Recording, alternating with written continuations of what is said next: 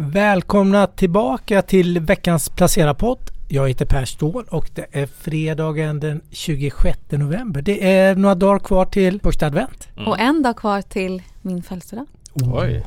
Grattis! Det har du inte mm. gått ut med någon inbjudan till. Nej, nej. Inte till oss ja. Idag är vi tre, precis. Elinor, du har introducerat dig själv, du fyller år imorgon. Ja. Och sen har vi Martin Blomgren. Ja. Jag tänker, det är podd, det är svårt att föreställa sig hur det ser ut. Men jag måste säga idag, idag gled du in i kostym. Ja. Det kändes så snyggt. Fredagen till ära. Thanksgiving. Vit skjorta och kostym. Ja. Det, Ja, det är trevligt. händer ibland. Stiligt. Placera har vi Dress Up Friday, Mm. inte Dress Down Friday. Casual Friday, det är ute nu. Det är helt ute. Jag har också vit skjorta. Mm, ni är så fina. Och jag har polo, polo, vad säger man? Mm, också fin. Polotröja i merinoull. Det värmer gott. Det var så kallt när jag gick idag. Ja, men när börsen kyler. Börsen kyler, det är turbulent. Det har varit en turbulent vecka. Mm. Hög volatilitet. Alltså volatiliteten har ju varit väldigt hög nu under nästan ett kvartal känns det som. Och eh, det är volatilt på alla marknader. Oljepriset är ner kraftigt idag. Kronan har tappat väldigt mycket värde mot dollarn. Över 3% den senaste veckan. Så det, det händer väldigt mycket. Vad är ert intryck av veckan som har varit? Ja men nu är det ju fortfarande väldigt osäkert kring den här nya mutationen då i Sydafrika som det började rapporteras om under natten. Men det är ju det som gör att veckan ser ut att avslutas riktigt surt. Ehm, och ja, osäkerhet, alltid dåligt. Uh, kommer vaccinet att bita på den här lika bra som på de tidigare så är det ju, då vet man ju hur spelplanen på något sätt. Men om den inte skulle göra det eller om det kanske drabbar en annan eh, på ett annat sätt än vad den tidigare virusen har gjort med att det främst är de äldre som drabbas och inte barn. Skulle man vända på den pyramiden att det plötsligt är barn som drabbas hårdast, vem vet. Då har vi ju en ny värld som inte är så trevlig. Det lät dystert men, men det är det, det, är det som får börsen att skaka just idag då om vi återgår till börshumöret. Ja, eh, börsen är 2,5 procent när vi sitter här i alla fall. Eh, men någonting får mig ändå att någonstans, alltså det är ju inte bara nattsvart över hela, liksom på, på, på alla bredder och kanter utan några aktier går faktiskt upp idag. Eh, och man kan ju inte undgå att- att tänka att tidigare det varit sådana här dippar då känns det snarare som att väldigt många sett det som Mm. köptillfällen. Och att det sen har gått upp ganska snabbt precis efter. Så ja, Jo det är inte den där paniken. Det är inte nytt på samma sätt som det var när det kom första gången. Nu vet man ju lite spelplanen vilka, vilka sektorer klarade sig bra och vilka gjorde inte det förra gången. Och det mesta klarar sig ju med några månaders eh, facit i hand ganska bra trots allt. Så att, ingen panik skulle jag säga. Men om, man som investerare då, om man ska lägga in ett litet tips här. Då, då om man vet att man inte riktigt är så kylig som man kanske borde vara. Så kanske man inte ska logga in en sån här dag överhuvudtaget. För det är ju rätt tufft. Ja men det där är faktiskt bra. Jag applicerar ju den eh, lite strutsteorin eller vad man säger. Stoppa huvudet i sanden eller inte logga in. Vilket fungerar jättebra för mig. För jag fungerar inget bra när jag ser att jag tappar relativt eh, mycket pengar. Man kan se det i kronor och öron och sådär. Det är lätt att man extrapolerar ut och sen så mår man inte så bra liksom den dagen. Man Så kan, jag också ändra, man kan ju ändra inställningen, grundinställningen eh, i avkastning om det är senaste dagen, senaste månad, år eller sen start på sin portfölj. Så den kan man ju ändra till en lite längre horisont om man känner att Det brukar jag det göra. Ja, det gör jag också ibland och känner Ja. bara okej, sitt still, det är lugnt. Ja men det där är bra för att inte överreag- Ja. överreagera och överagera och börja rodda om i portföljen bara på de här korta. Annars är det ju lätt att man hamnar i att man säljer när det är som störst panik och då prickar man botten i försäljningarna och så, så köper man när det är som mest greed. Mm. Att, Det, eh, det är fullt mänskligt att vilja göra någonting. mm. Det- Alltså, alltså att, att vilja agera när man känner att det inte går så bra. För att man tror att det ska vara bättre än att inte göra någonting. Mm. Men just när det kommer till börsen så behöver det inte vara så. Vad bra, vilken bra inledning det här blev. Jag har skrivit en fondanalys i veckan om en USA-fond. USA har gått väldigt bra, särskilt i kronor och ören såklart. För det, nu är kronan faktiskt, den var ju en av de absoluta vinnarna i fjol mot eh, den amerikanska dollarn. I år har den lyckats placera sig lite, den är på väg ner mot bottenskiktet. Den är inte sån här eh, brasilianska realen eller turkiska lira nivån än riktigt. Men eh, den finns där nere på nedre halvan, vilket gör att USA-fonden har gått väldigt bra. De är ju i paritet med Stockholmsbörsen nu i kronor och öre. Mm. Seglat upp lite nu under senaste månaderna som en riktig vinnare faktiskt. Med bra bolagsrapporter och så vidare. Jag skrev om en USA-fond som är en systerfond till eh, en annan USA-fond som jag har med bland de rekommenderade fonderna som eh, förvaltas av Morgan Stanley. De har ett jättestort globalt team som även sköter USA-investeringarna på 16 personer som är jätteduktiga. De har jobbat ihop extremt länge och leds av eh, han som är ansvarig förvaltare har varit teamchef i 22 år. Men min poäng, vad jag vill komma till, vad de gör. När de ska göra stora affärer, större affärer i fonden, de gör dem bara var fjärde till var sjätte vecka. Jag skrev var fem. För de vill se förbi det kortsiktiga bruset. Det är dagar som det här när det blir, händer stora rörelser på marknaden då.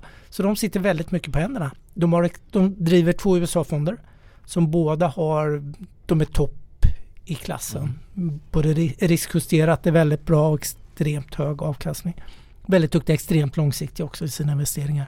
De har väldigt låg omsättningshastighet i fonderna. De gör väldigt långsiktiga investeringar. De handlar väldigt lite för att vara en fond. Och det är liksom uttalat också att de, de har gått ut med att vi gör mm. stora affärer gör vi bara var fjärde till var sjätte Ja men transaktionskostnaderna äter ju upp avkastning så mm. kan man uh, hålla sig lite kall så, så tjänar man ju på det. Men och utan någon statistik på det så är ju känslan att under de senaste åren så är det ju väldigt, väldigt många mer privatsparare som har amerikanska aktier och fonder jämfört med hur det var för kanske 5, 10, 15 år sedan. Så att den här dollaruppgången är det många som har anledning att glädjas åt. Och exportbolagen och, och andra. Så att eh, netto är det väl glatt för de flesta om, om eh, kronan tappar lite mot dollarn. Ja, men det tror jag. Det var lite mitt bidrag om eh, att sitta lite på händerna ja. när det är eh, turbulent på marknaden. Turbulent, inte kopplat till uh, viruset men Evolution är väl veckans grej annars på Stockholmsbörsen. Uh, Elinor, du kollade hur många ägare det bara på Avanza? Det är jättemånga som har uh, Över 85 000 äger Evolution. 85 000. Ja, mm. så det är ju det är som en uh, stor kranskommun till Stockholm kan man säga. Bara på Avanza då. Ja.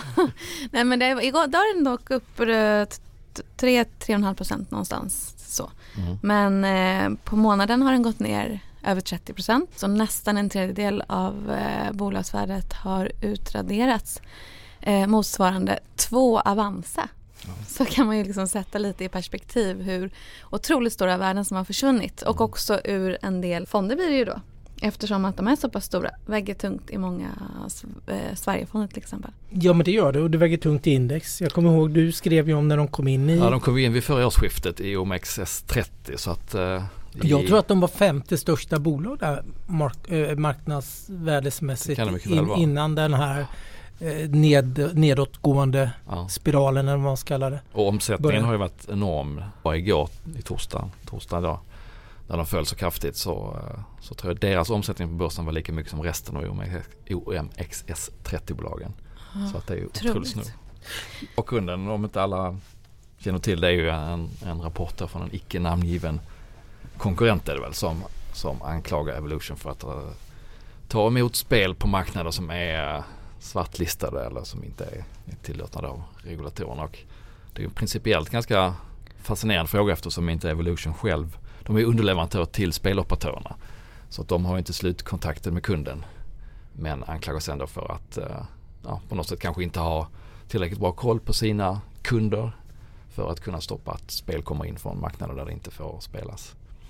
Så att eh, ja, det är ju väldigt eh, svårt att, att säga var det här landade för man har ju sett andra bolag som gör affärer i USA där de har straffats trots att inte affären har varit i USA. Samtidigt som det Ja, det handlar kan, om, om, länder som är på sanktionslistade ja, helt precis. enkelt. Och man kan ju hävda att Evolution eh, inte har den slutkundskontakten så att det är operatörerna som i så fall gör fel. Men, men, och de ska inleda någon egen utredning då för att eh, bemöta de här anklagelserna stor osäkerhet, stor nedgång. Ja, no, är det ABG Securities, den svensk-norska investmentbanken som eh, har säljrekommendationer ja, som har spunnit vidare på ja.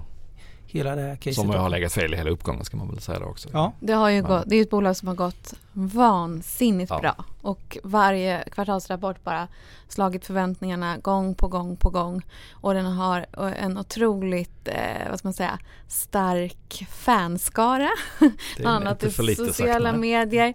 Eh, så. så det är ju ganska speciellt, eh, tycker jag, fenomen hela Mm. Evolution. Mm. Eh, jag själv äger det inte.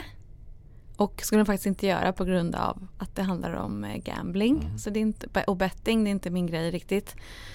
Ni då? Ja, jag var ju inne där tidigare eh, och sålde lyckligt nog för en knappt två veckor sedan då väl.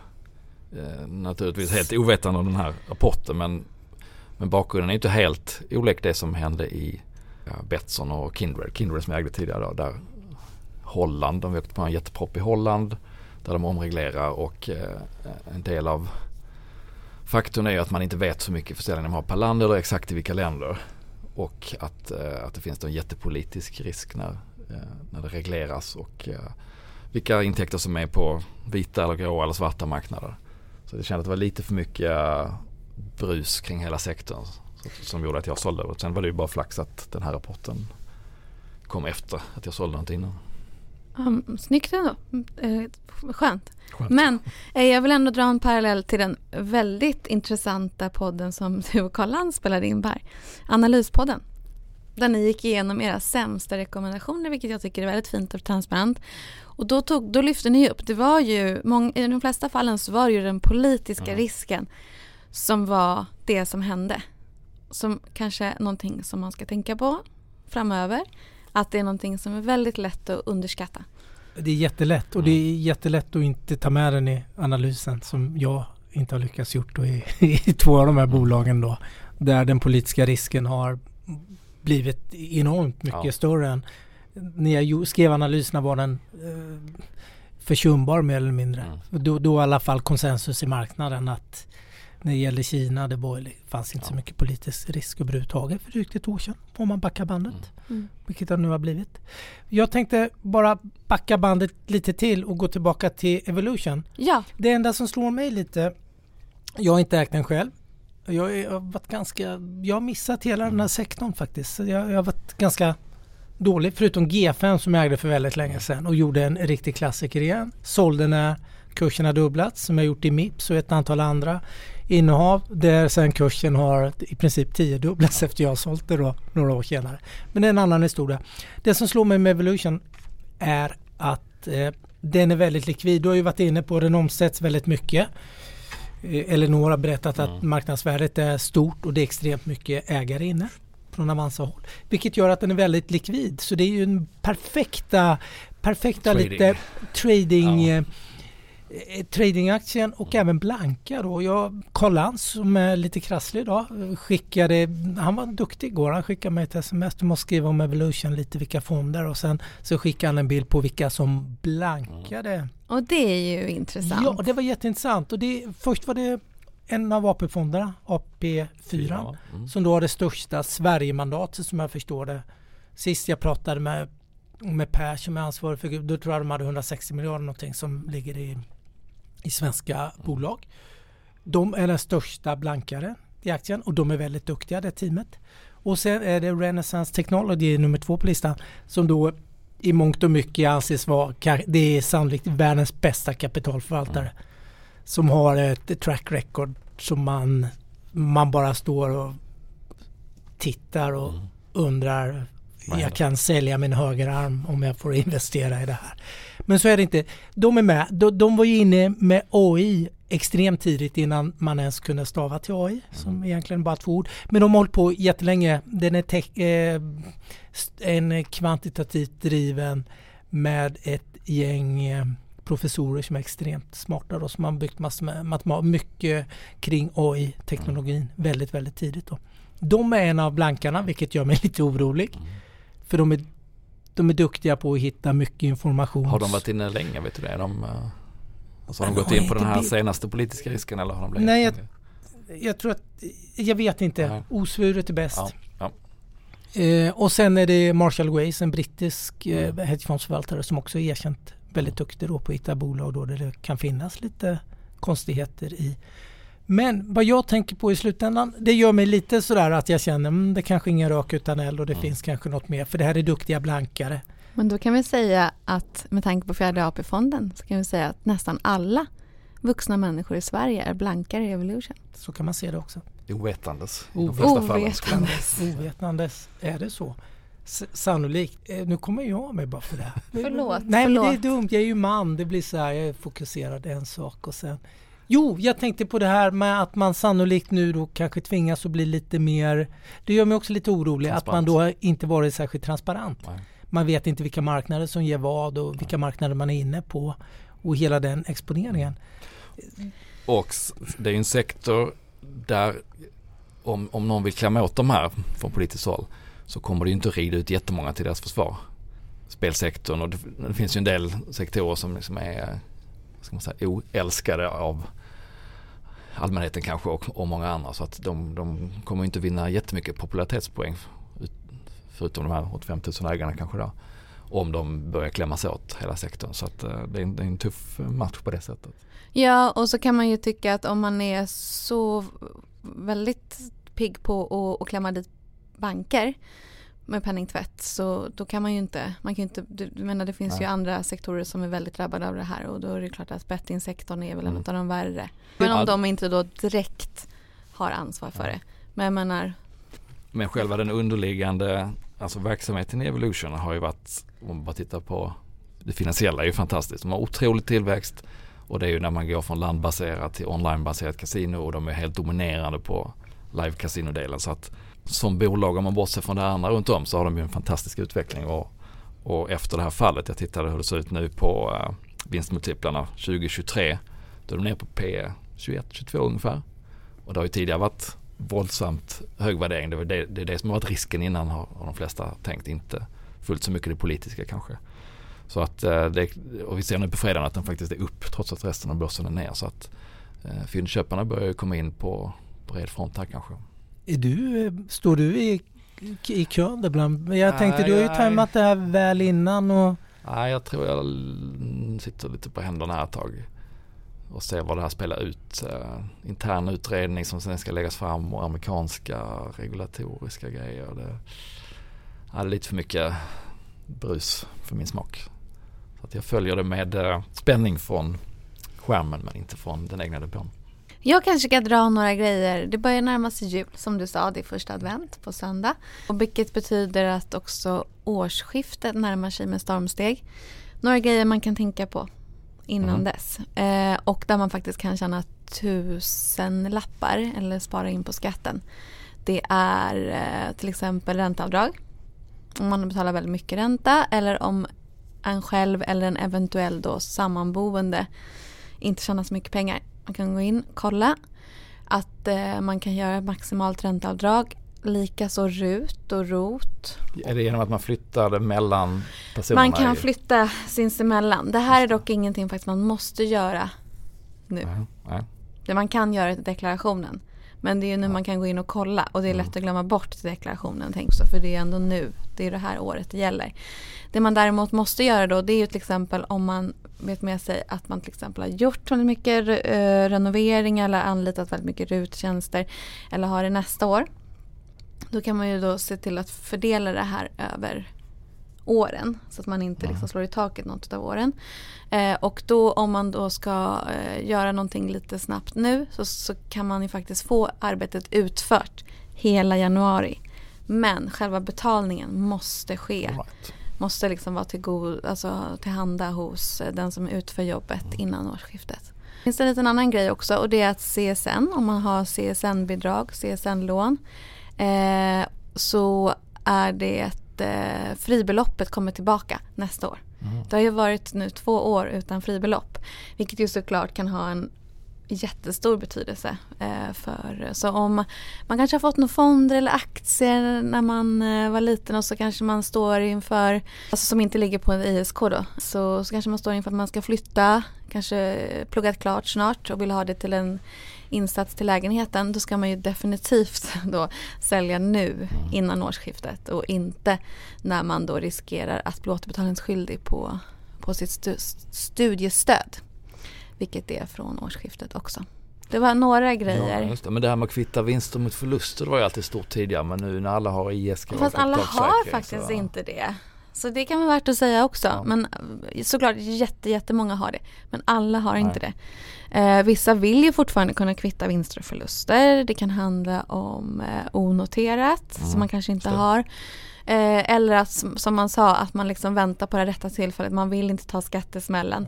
Mm. Då eh, kan det ju ändå vara bra att passa på. Om Mm. man nu har vinster och förluster. Man kan också kvitta under vissa förutsättningar mot ett bostadsuppskov. Så det kan man ju kika på. Och det, apropå bostadsuppskov så har man då gjort försäljningar under 2015 som man vill återföra eftersom att man i år tog bort rä- uppskovsräntan. Så är det då 2015 som är i år som man måste göra det. Nästa år blir det 2016. Så det kan man också tänka på. Matnyttiga Ja. tips. Ju, tidiga julklappstips får jag väl Ja. säga. Men eh, det kan ändå vara värt att titta på det där tänker jag. Logga in på Skatteverket och kolla hur man ligger till.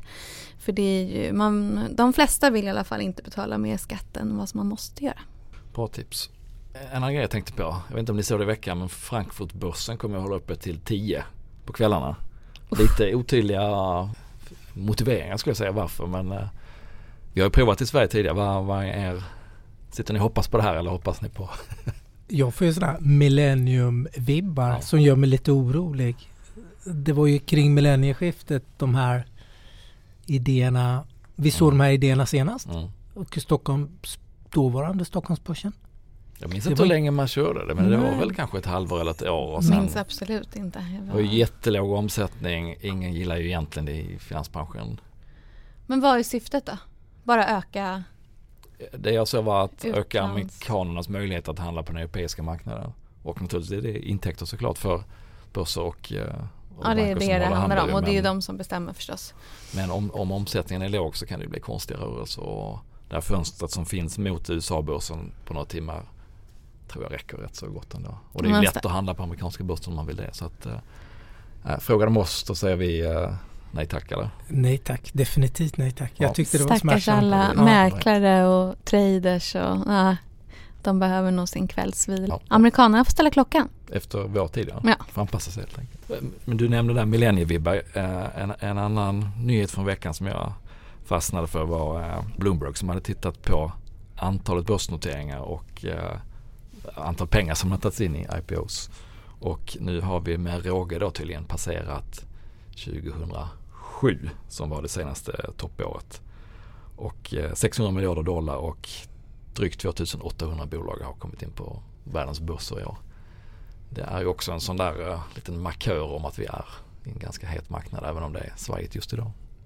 Ja men det är ju lite, det är ju två tycker jag tydliga, eller tydliga, det är i alla fall två indikatorer eller signaler som vi har sett tidigare då att det agerande som vi har sett eh, precis eller före en kanske större korrektion som det var vid millennieskiftet, vi som var med. Och eh, ja 2007, Ja, för 2008. finanskrisen, precis. Två Ja. olika kriser men, Mm. men uh, två signaler som vi ser dyka upp precis innan. Och det sprutar ju in nya bolag speciellt på First North. Uh, Men, men å andra sidan, rekordet till för att slås. Ja, Börsrekordet till för att slås. Det är lite...